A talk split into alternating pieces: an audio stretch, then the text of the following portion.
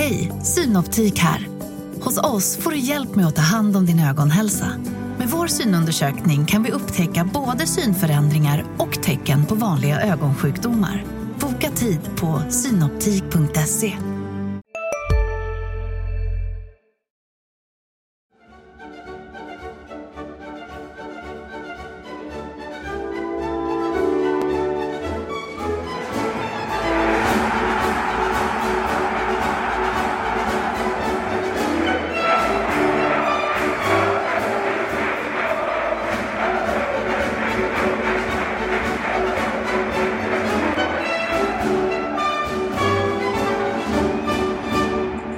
HIF är igång med träningsmatchandet. Ja, så skulle man kunna säga i det som tränaren Jörgen Lennartsson kallar för Pre-Season 2. Lite svängelskt sådär. HIF vann mot Varberg med 2-0. Det ska vi prata mycket om. Och så ska man också spela mot Främmande Mager innan det är dags för Akropolis hemma 11 juli. Marianne Svab, Sebastian Rönnström och Mattias Hjelm. Vi är de tre som ska leda er i HIFs snack här. Ah, ja, HIF snack, vårt snack om HIF snarare. Marianne, du var på plats och såg HIF Varberg. Vad såg du? Jajamän. Jag eh, såg en första halvlek som eh, eh, jag blev positivt överraskad över. Jag, eh, eh jämfört med eh, eh, den här eh, mellanmjölken som vi såg i våras. Eh, så tyckte jag ändå liksom det här var en habil insats. Det är en träningsmatch men då ska man veta också att Varberg på slutet tog sig allsvenskan och eh, kom med eh, i stort sett ordinarie, eller de gjorde det i ordinarie lag. Eh, vilket HF också gjorde. Eh, och eh, pratade lite med Jocke Persson efter matchen. Och han la sig platt och tyckte att Varberg hade blivit nu är det mina ord, men alltså mellan raderna då eller när jag summerar vad Jocke tyckte så tyckte han att de hade i princip blivit utspelade, överkörda i första halvlek. Andra halvlek var ju som väntat, det såg man redan när jag såg att eh, det hade blivit 5-6 byten i paus i HF-laget och sen kom det ett par snabba byten i Varberg och då kände jag bara liksom, ja det är första halvlek man ska ta fasta på här. Ja, mycket bra indikationer. Det var ett par eh, grejer jag krafsade ner i mitt anteckningsblock. Eh, Eh, defensivt fortsatt. HIF släppte in väldigt lite mål och väldigt, till väldigt lite chanser under våren. Jag tycker att Charlie Weberg allt mer framstår, eh, alltså eh, börjar växa ut till den spelaren som HIF en gång förväntade sig av, liksom med den här pondusen, eh, med, med, med, med, lite chef i backlinjen. Eh, satte inte, tror jag, någon fot fel igår. Och och eh, eh, om vi ska titta lite längre upp, det får ni, så var, provade man två olika mittfältskonstellationer. Först började Brando Henriksson och Rasmus Jönsson och sen så övergick man till eh, eh, Vladislav Kreda och Benjamin Aqua i andra halvlek. Och framåt fortsatte eh, så var det en fyra med Willem Löper och Viktor Lundberg på kanterna och framförallt då Anthony van den Hurk och Max Svensson. Så att offensiven tyckte jag också var det kanske det som stack ut lite igår. För det har vi väl varit, pratat rätt mycket om i vår. Eh, det känns som att det är en del bitar som börjar falla på plats där.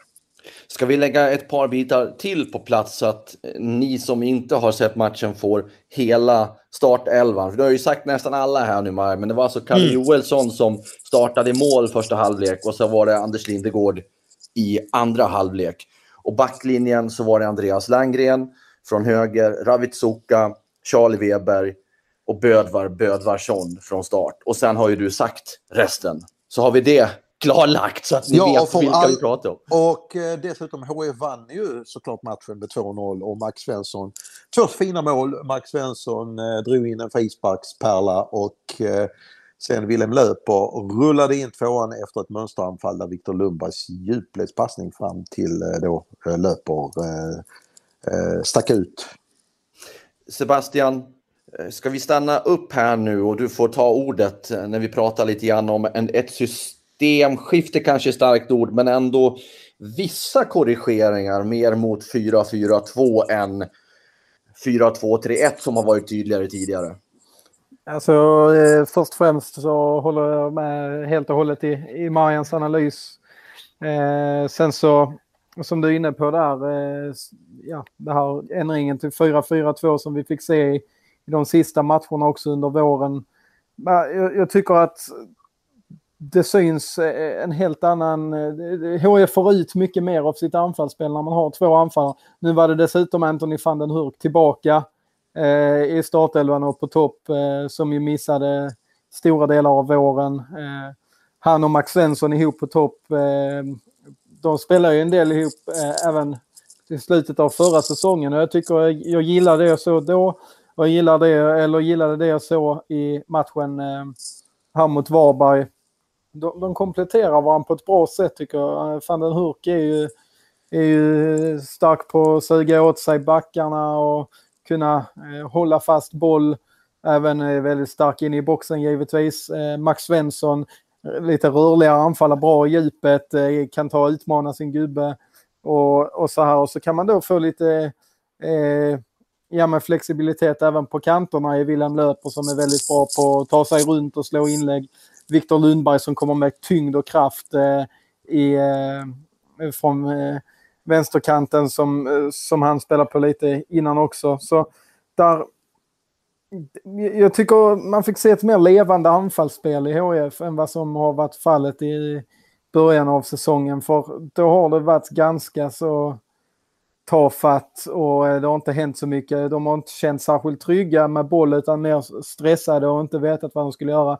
Nu kändes det som ett betydligt större lugn, ett betydligt större självförtroende i hela laget när man gick till anfall. Och, och då ska man faktiskt komma ihåg att det är Varberg man möter. Förvisso är det ju inte Malmö FF eller Djurgården på något sätt. Men alltså det är ett lag från allsvenskan som eh, med all rätt liksom så. Så eh, kan man göra en sån prestation mot Varberg så varför skulle man inte kunna göra det mot lag i superettan? Så så eh, helt klart eh, positiva signaler inför omstarten och någonting att verkligen ta med sig och, och, och, bygga vidare på när, när poängen nu ska eh, samlas ihop och jakten ska börja på, på toppstriden i Superettan. Jag skickar ut två frågor till er här. Du var inne på Viktor Lundberg, han fick gå ut på vänsterkanten här nu då. Tidigare har, ju, har vi pratat om att högerkanten med Langgren och Löper, den har känts mer trygg och säker och så har man inte riktigt hittat samma trygghet på vänsterkanten. Min första fråga är då, kan det vara lösningen? Bödvar Bödvarsson, eh, eh Viktor Lundberg på vänsterkanten? Den ena frågan. Den andra frågan är, eh, Jörgen Lennartsson, när jag pratade med honom inför matchen var det ju att han eftersökte ett bättre passningsspel och ett aggressivare försvarsspel.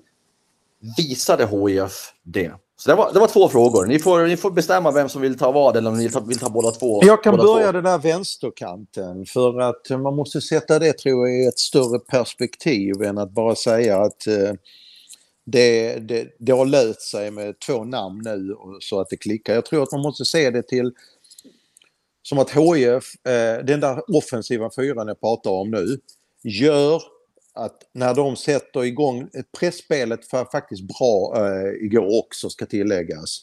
Där då både Rasmus och Brando tryckte, eh, tryckte fram.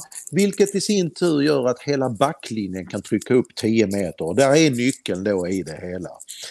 När Viktor Lundberg och Wilhelm Löper är väldigt duktiga att sätta press på eh, sina Eh, alltså på, det, på bollföra, motståndarens bollförare, om det hamnar på respektive kant. Och sen så kan då innebära det liksom att HIF, varje lagdel kan fylla på. Så att äh, absolut, Viktor Lundberg är nog, äh, gör sig mycket bättre på en kant på det sättet med tanke på löpkapaciteten han har. Och eh, eh, äh, utmanar och kan löpa i djupled i fickorna mellan ytterback och med mittback och så vidare.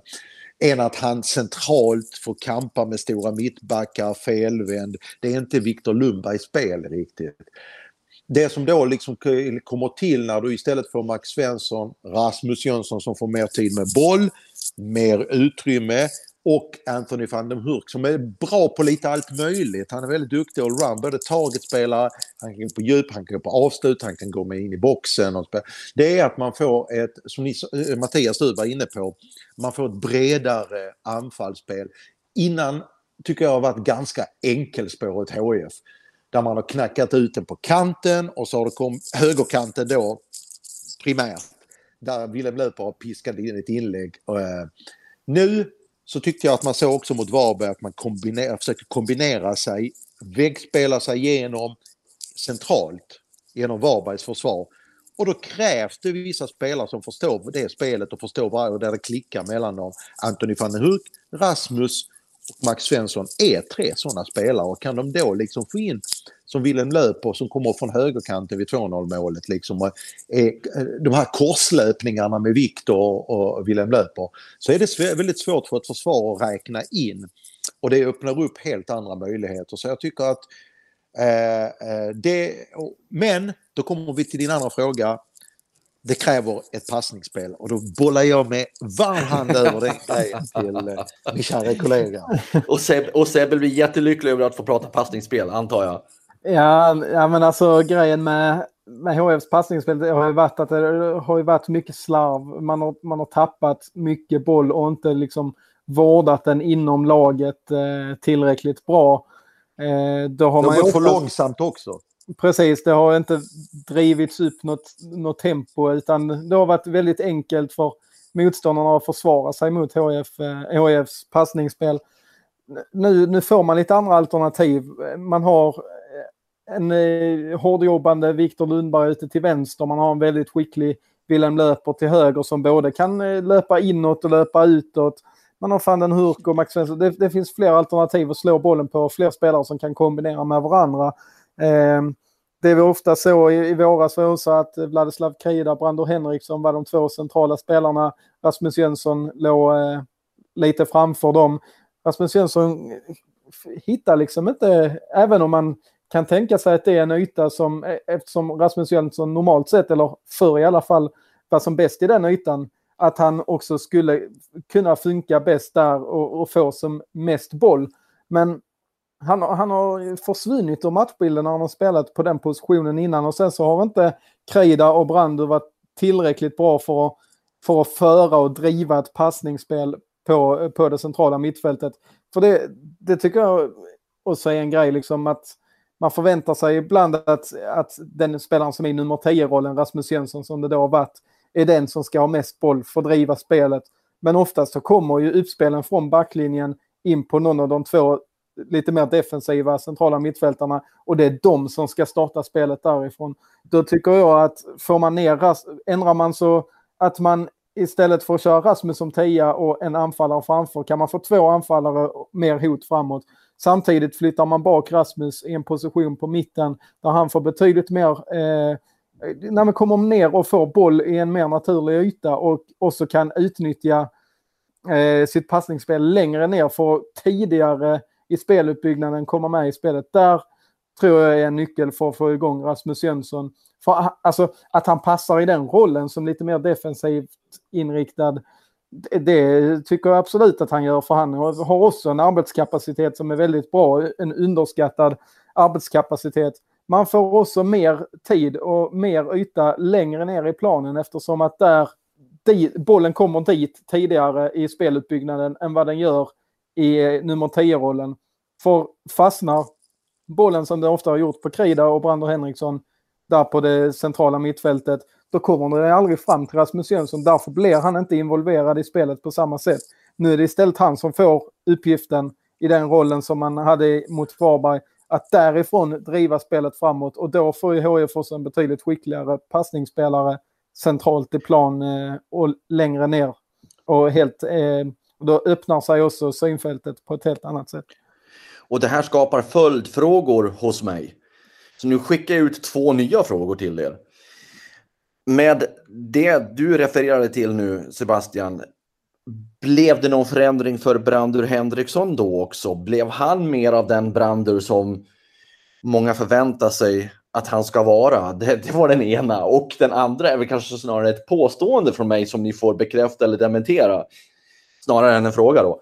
Och det är att när jag lyssnar på er så, så får jag uppfattningen att ni tycker att man ska fortsätta praktisera 4-2 och inte eh, jobba eh, primärt med 4-2-3-1 mer.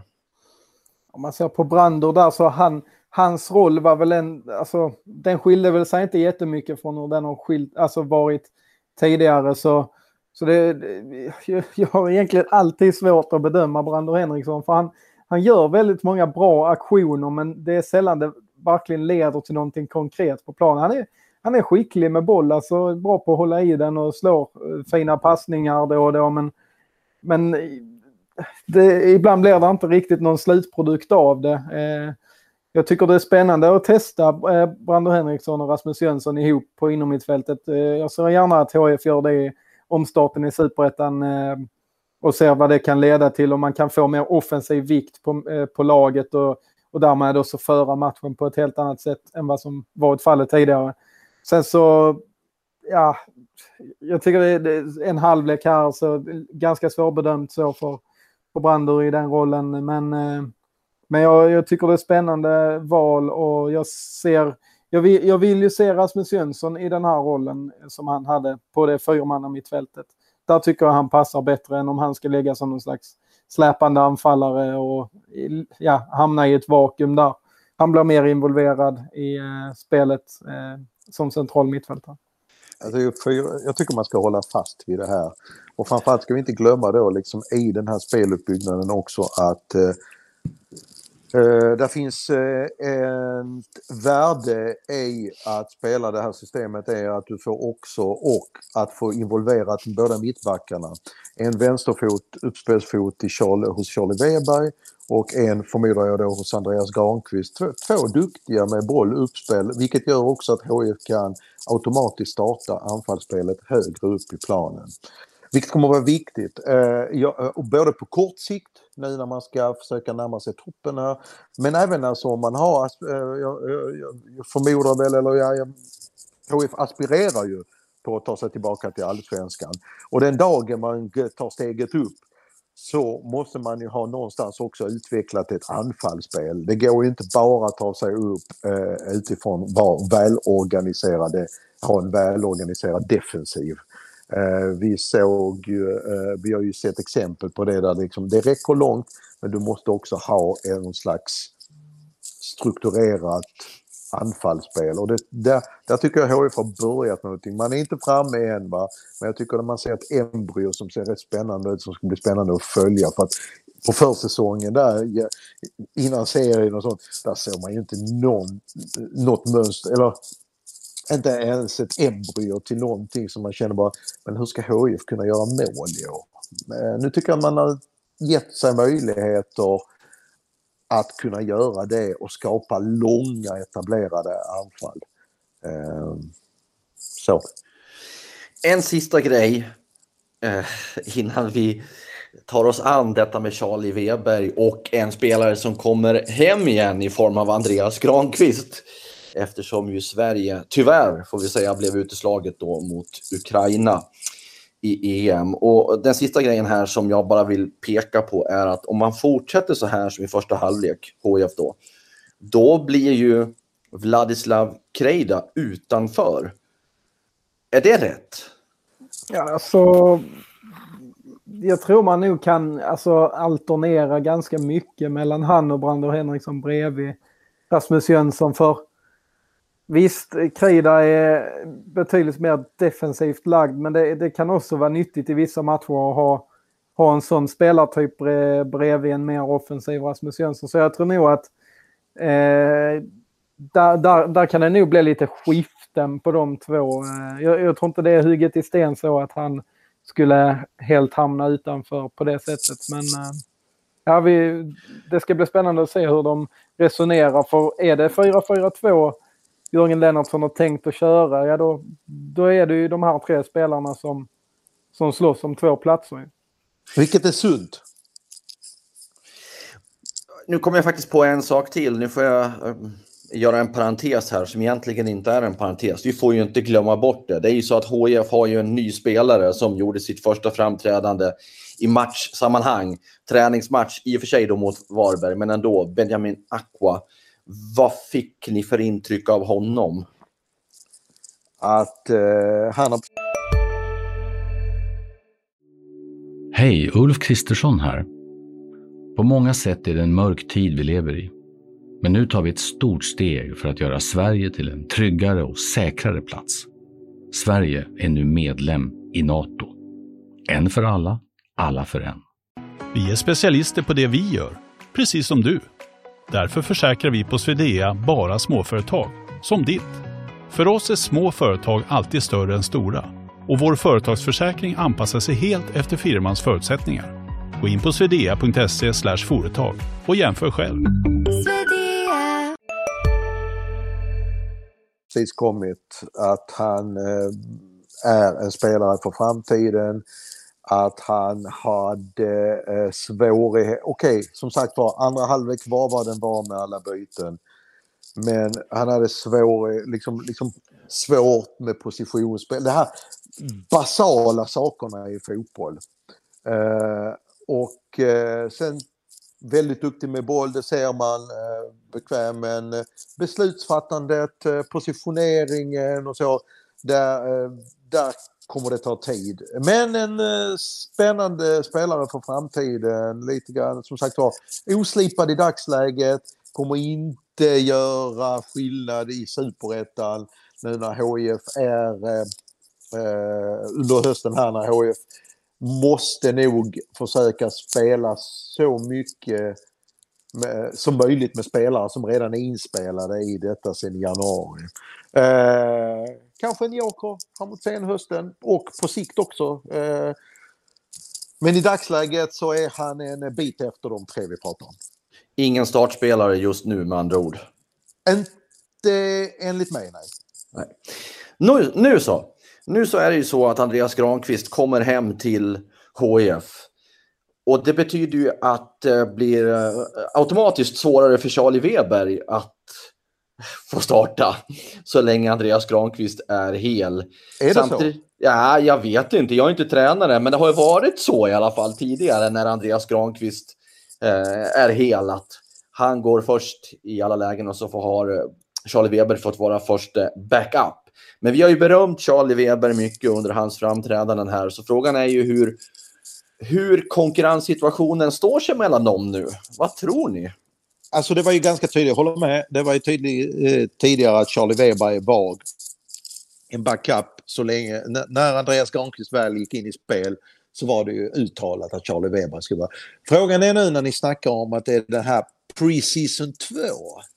Eh, att eh, Kanske är det så att man ska börja om från noll här igen. I dagsläget, jag vet inte vilk, eh, hur eh, Andreas Granqvists träningarna i landslaget har sett ut, hur han ser ut idag, hur han känner sig och kroppen, om han kan gå in rakt in här nu mot Akropolis nästa helg. Men kan han det så är det ju fortfarande så att jag tycker att Charlie Weber ska spela. Eh, och då går det ut över Ravitsuka. Ja men då, det, det är det jag säger nu. De här veckorna så är det väl som igår för mig var ju som sagt var Charlie Weber den som var absolut outstanding i backlinjen. Det känns svårt att plocka bort honom i, i, dagsläget. Plus, det är en annan fördel. Du får en vänsterfot också i backlinjen. Eh, och eh, då med Granen en högerfot. Vilket inte är en nackdel anser jag om HIF ska bli ett mer spelförande lag här under hösten och idka betydligt mer anfallsspel. Det du säger nu Marianne, det väcker ju ändå en diskussion här. För är det någon som har haft orubbat förtroende från Jörgen Lennartsson så har det varit Ravid Suka. Han har spelat samtliga minuter under de åtta inledande matcher i superett, matcherna i Superettan. Eh, det har inte varit någon diskussion om att han ska spela där. Det du lägger fram här nu skulle ju betyda att Suka förpassas till bänken och hur troligt är det när Jörgen Lennartsson har eh, visat så tydligt att det nästan har varit första, eh, första, första valet på mitt, bland mittbackarna. Så att HF håller på kanske att lägga om det vi pratar om nu, har pratat ända sedan starten på det här programmet att HF kanske håller på att övergå till dels ett systemskifte, dels till att man vill vara ett mer spelförande lag. Tidigare har Avitsuka kanske han passar bäst i ett system där kanske det andra laget också har en hel del boll. Han är ju mer kanske också precis som Vladislav Kreda, han har sina förtjänster i det defensiva spelet med snabbhet och sånt där. Han är, eh, om, om vi ska mäta bekväm med boll och hitta uppspelsvägar och så och delta i speluppbyggnaden i en betydligt större utsträckning. Ja men då är han ju, tycker jag, trea vad det gäller med uh, spelet med boll bakom Granqvist och Charlie Weber. Det är så jag tänker lite förenklat. Sebbe, är det här en bild du delar med Marian? Ser du också att det bör vara Andreas Granqvist och Charlie Weber som spelar, det vill säga att um, Ravitsuka inte får plats i en startelva? Jag tycker nog det faktiskt. Eh, sen så är det ju en viss, eh, blir ju snabbheten en eh, akilleshäl i HIFs försvar om man har Granen och, och Charlie Weber ihop. Det är ju inte de snabbaste mittbackarna och ställs man på, på prov i djupled så, så kommer det ju att, att krävas en eh, väldig struktur liksom för att hantera det. Eh, samtidigt så överlag är, tycker jag Charlie Weber är en bättre mittback än vad Ravitsuka är. Eh, Andreas Granqvist, ja, Eh, man kan tycka vad man vill om hans eh, fysiska status och så här, men eh, han är ju på en annan nivå rent eh, ledarmässigt och eh, spelförståelse och, och hela, hela det rubbet. Så, så, så länge han kan spela så ska han spela. Jag, jag ser liksom inget annat. Och då, då, då, står ju valet mellan om man ska ha Charlie Weber eller Arvid Zucka. Och i mina ögon är Charlie Weber betydligt bättre. Eh, på, på allt utom snabbheten egentligen faktiskt.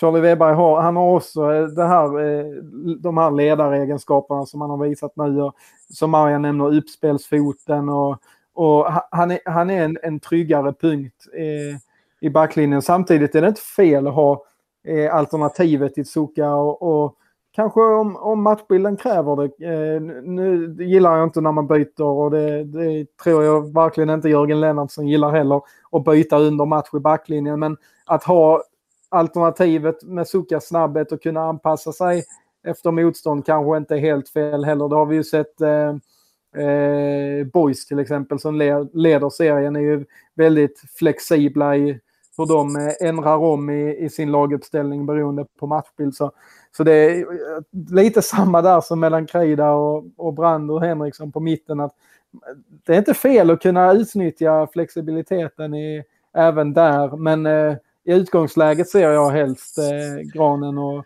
och Charlie Weber som mittbackspar. Om jag får lägga in någon eh, personlig reflektion kring detta när ni funderar om det här med snabbheten, om man skulle spela Granqvist, Weberg versus eh, Soka, eh, Granqvist. Ja, det är klart att de inte har Sokas snabbhet, men å andra sidan så har du, är det ju få spelare som kan mäta sig med Granqvists inställning. Att fast att man inte har tempot i kroppen som ynglingar så, så vinner han ett antal procent i kampmomenten och positioneringen, placeringsförmågan att läsa spelet. Så att bara för att man har Bolts snabbhet så betyder det ju inte att man alltid är helt rätt på det i alla fall. Funderar jag. Och dessutom, jag vill lägga till en sak också, höll på att tappa det. Om HIF nu har ambitionen att vara spelförande, nu kanske inte det ligger i Jörgen Lennartssons DNA att hellre vinna med 2-1 än 1-0, men eh, om man är spelförande så kan man ju kanske räkna in mer än ett mål per match. Då kanske det inte är hela världen om man tappar in en boll på grund av tappad snabbhet.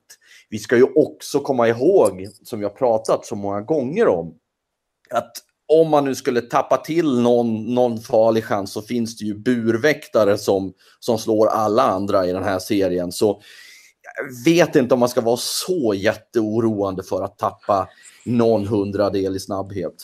Hur många gånger har HIF utsatts för djupledshot, alltså systematiskt? I vilken match? Nej, vi snackar superettan också. Vi snackar superettan, exakt.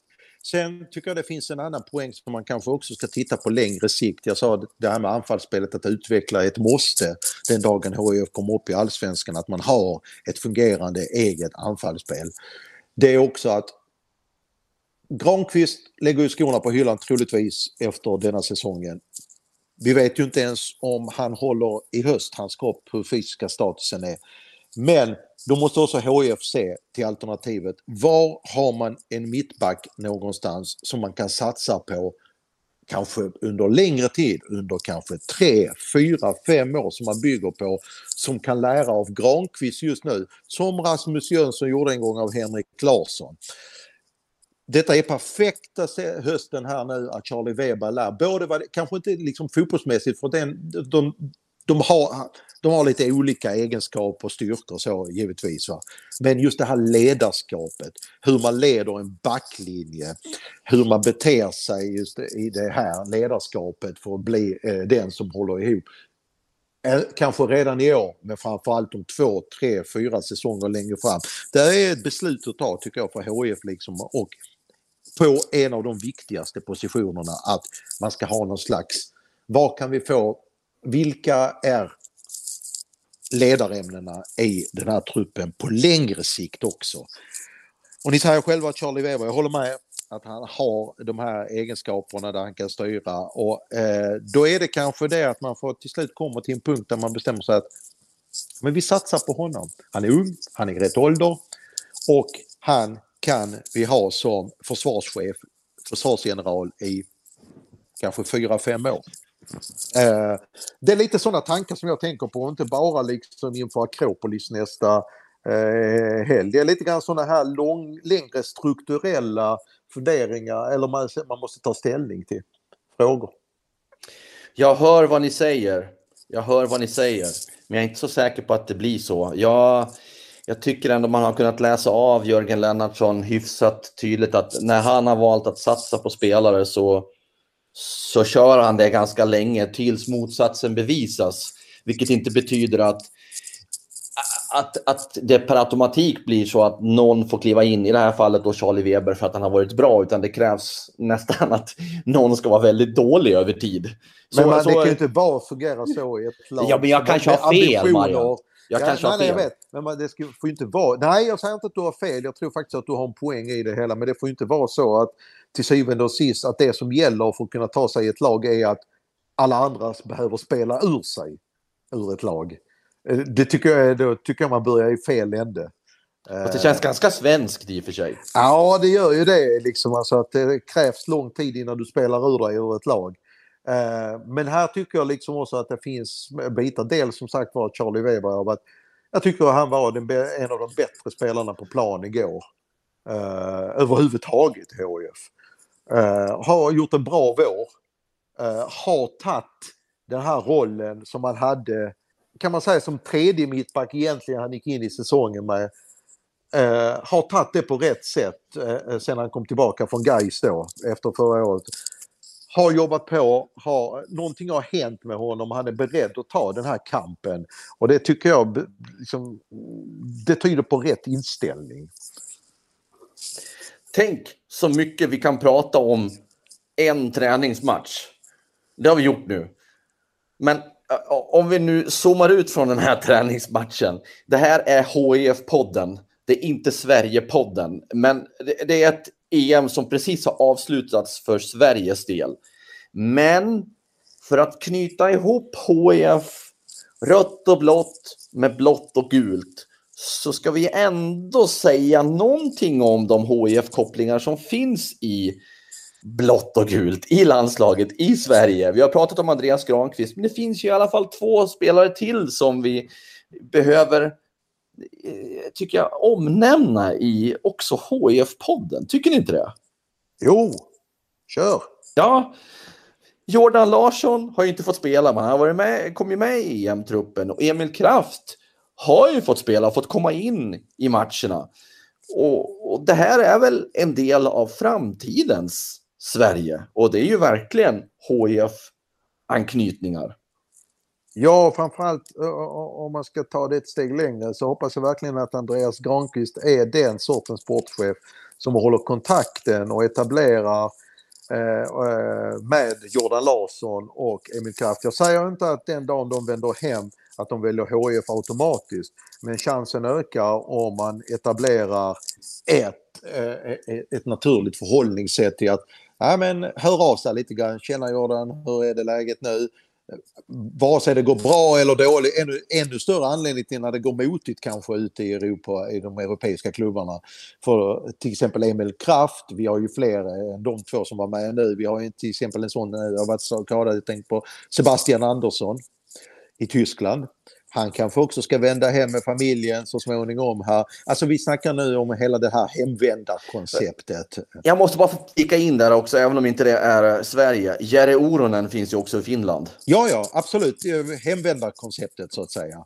Eh, och det är klart att eh, chansen ökar ju om en spelare får ett samtal från Andreas Granqvist ett par gånger under säsongen. Bara liksom Även om du vet att det kanske de här killarna ska vara ute 5-10 år till. Det kommer komma en dag när de flyttar hem. Och då ska de helst inte välja Göteborg, Malmö, en Stockholmsklubb eller något så. Det, det, det ska ju vara HIF som är först i kön då. Inte på grund av, sen så kanske det landar i ändå liksom att Jordan kanske hamnar i Norrköping som man gjorde. Men det ska, man ska kunna eliminera den här risken alltså till eh, ett minimum. Alltså. Och då ska ju HIF också vara i allsvenskan. Inte bara ha dragit sig oh ja. tillbaka utan ha etablerat sig. Den tiden finns ju nu faktiskt att göra det. Så att när de här underhållna kontakterna är, är dags att omsätta i praktiken. Mm.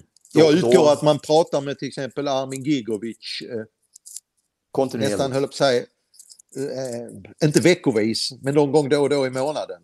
För att höra hur han har det och så. För mig är det självklart. Eh, det har inte alltid varit självklart i HIF. För det, det har man ju förstått för spelare som har varit ute i världen. Men jag hoppas verkligen att det Andreas Granqvist har det skrivet på sin whiteboard på kontoret att denna veckan ringer jag honom, denna, nästa vecka är det han och sånt. Han har ett rullande schema. Jag har svårt, en till, alltså Andreas Linde, målvakt i, i Molde, som också har eh, i andra sammanhang öppnat för att eh, återvända till HF en gång i framtiden. Så, så det, där finns ju exempel på de här spelarna som skulle kunna komma hem och och göra skillnad i framtiden för HIF. Så jag är helt med er där att det är viktigt för HIF att, att vårda kontakterna. Med, med Andreas Granqvists HIF hjärta, jag kan, inte, jag kan inte se någonstans att han inte skulle upprätthålla det här, inte ha det som en priopunkt på sin lista. Det känns någonstans helt självklart. Ja, och sen så har han då, som vi nämner här, kraft och Jordan Larsson, eh, landslagskollegor. Det, det, är klart att eh, han har ju liksom redan nu, eh, även om han inte själv har spelat med dem tidigare så, eh, i HIF så har han ju en, en, en fördelaktig kontakt med dem genom landslaget också. Så, så han, eh, det känns ju som att han, han sitter ju till skillnad från vissa andra sportchefer i, eh, även om det är stora kontaktnät givetvis i de största klubbarna men Granen sitter kanske på en lite mer personlig relation till, till vissa av de här spelarna än vad många andra sportchefer gör. Ska man nu köra närodlat konceptet fullt ut så blir, blir ju hemvändarna ett naturligt inslag i det konceptet. Kan man tycka. Då så! Fick vi ihop ett avsnitt av HF-podden den här veckan också. Jag upprepar vad jag har sagt tidigare. Det är semestertider så vi återkommer när vi helt enkelt är på plats tillräckligt många för att, att göra HIF-podden. Vi vill också göra reklam för, ja, det gör vi. Vi gör reklam för våra egna grejer. Vi sänder HIFs match mot Främmad Amager på hd.se. Direkt sänder. Och för dig som redan är abonnent hos oss, inga extra kostnader. För dig som inte prenumererar, jag kan ju bara uppmana dig att börja prenumerera på oss så får du det till dig. ja, eh, något annat som ni vill eh, tillägga det här? Nej, inte bara sändningen du får till dig om du prenumererar utan eh, allt annat HF-relaterat material på samtliga plattformar. Vi önskar er såklart tills vidare, tills vi hörs igen, en eh, fantastisk sommar. Den har ju börjat helt underbart. Om ni nu är som jag, gillar sol och värme. Som sagt, njut! Njut av vädret och livet och fotbollen som snart kommer igång på allvar igen i Helsingborg. Tack för er uppmärksamhet den här veckan.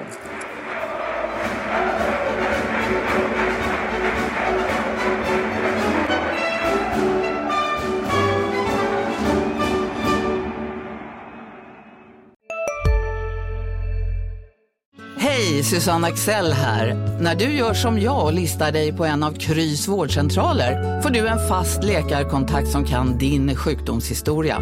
Du får träffa erfarna specialister, tillgång till lättakuten och så kan du chatta med vårdpersonalen. Så gör ditt viktigaste val idag, listar dig hos Kry. Välkommen till Maccafé på utvalda McDonalds restauranger med Baristakaffe till rimligt pris. Vad sägs om en latte eller cappuccino för bara 35 kronor? Alltid gjorda av våra utbildade baristor.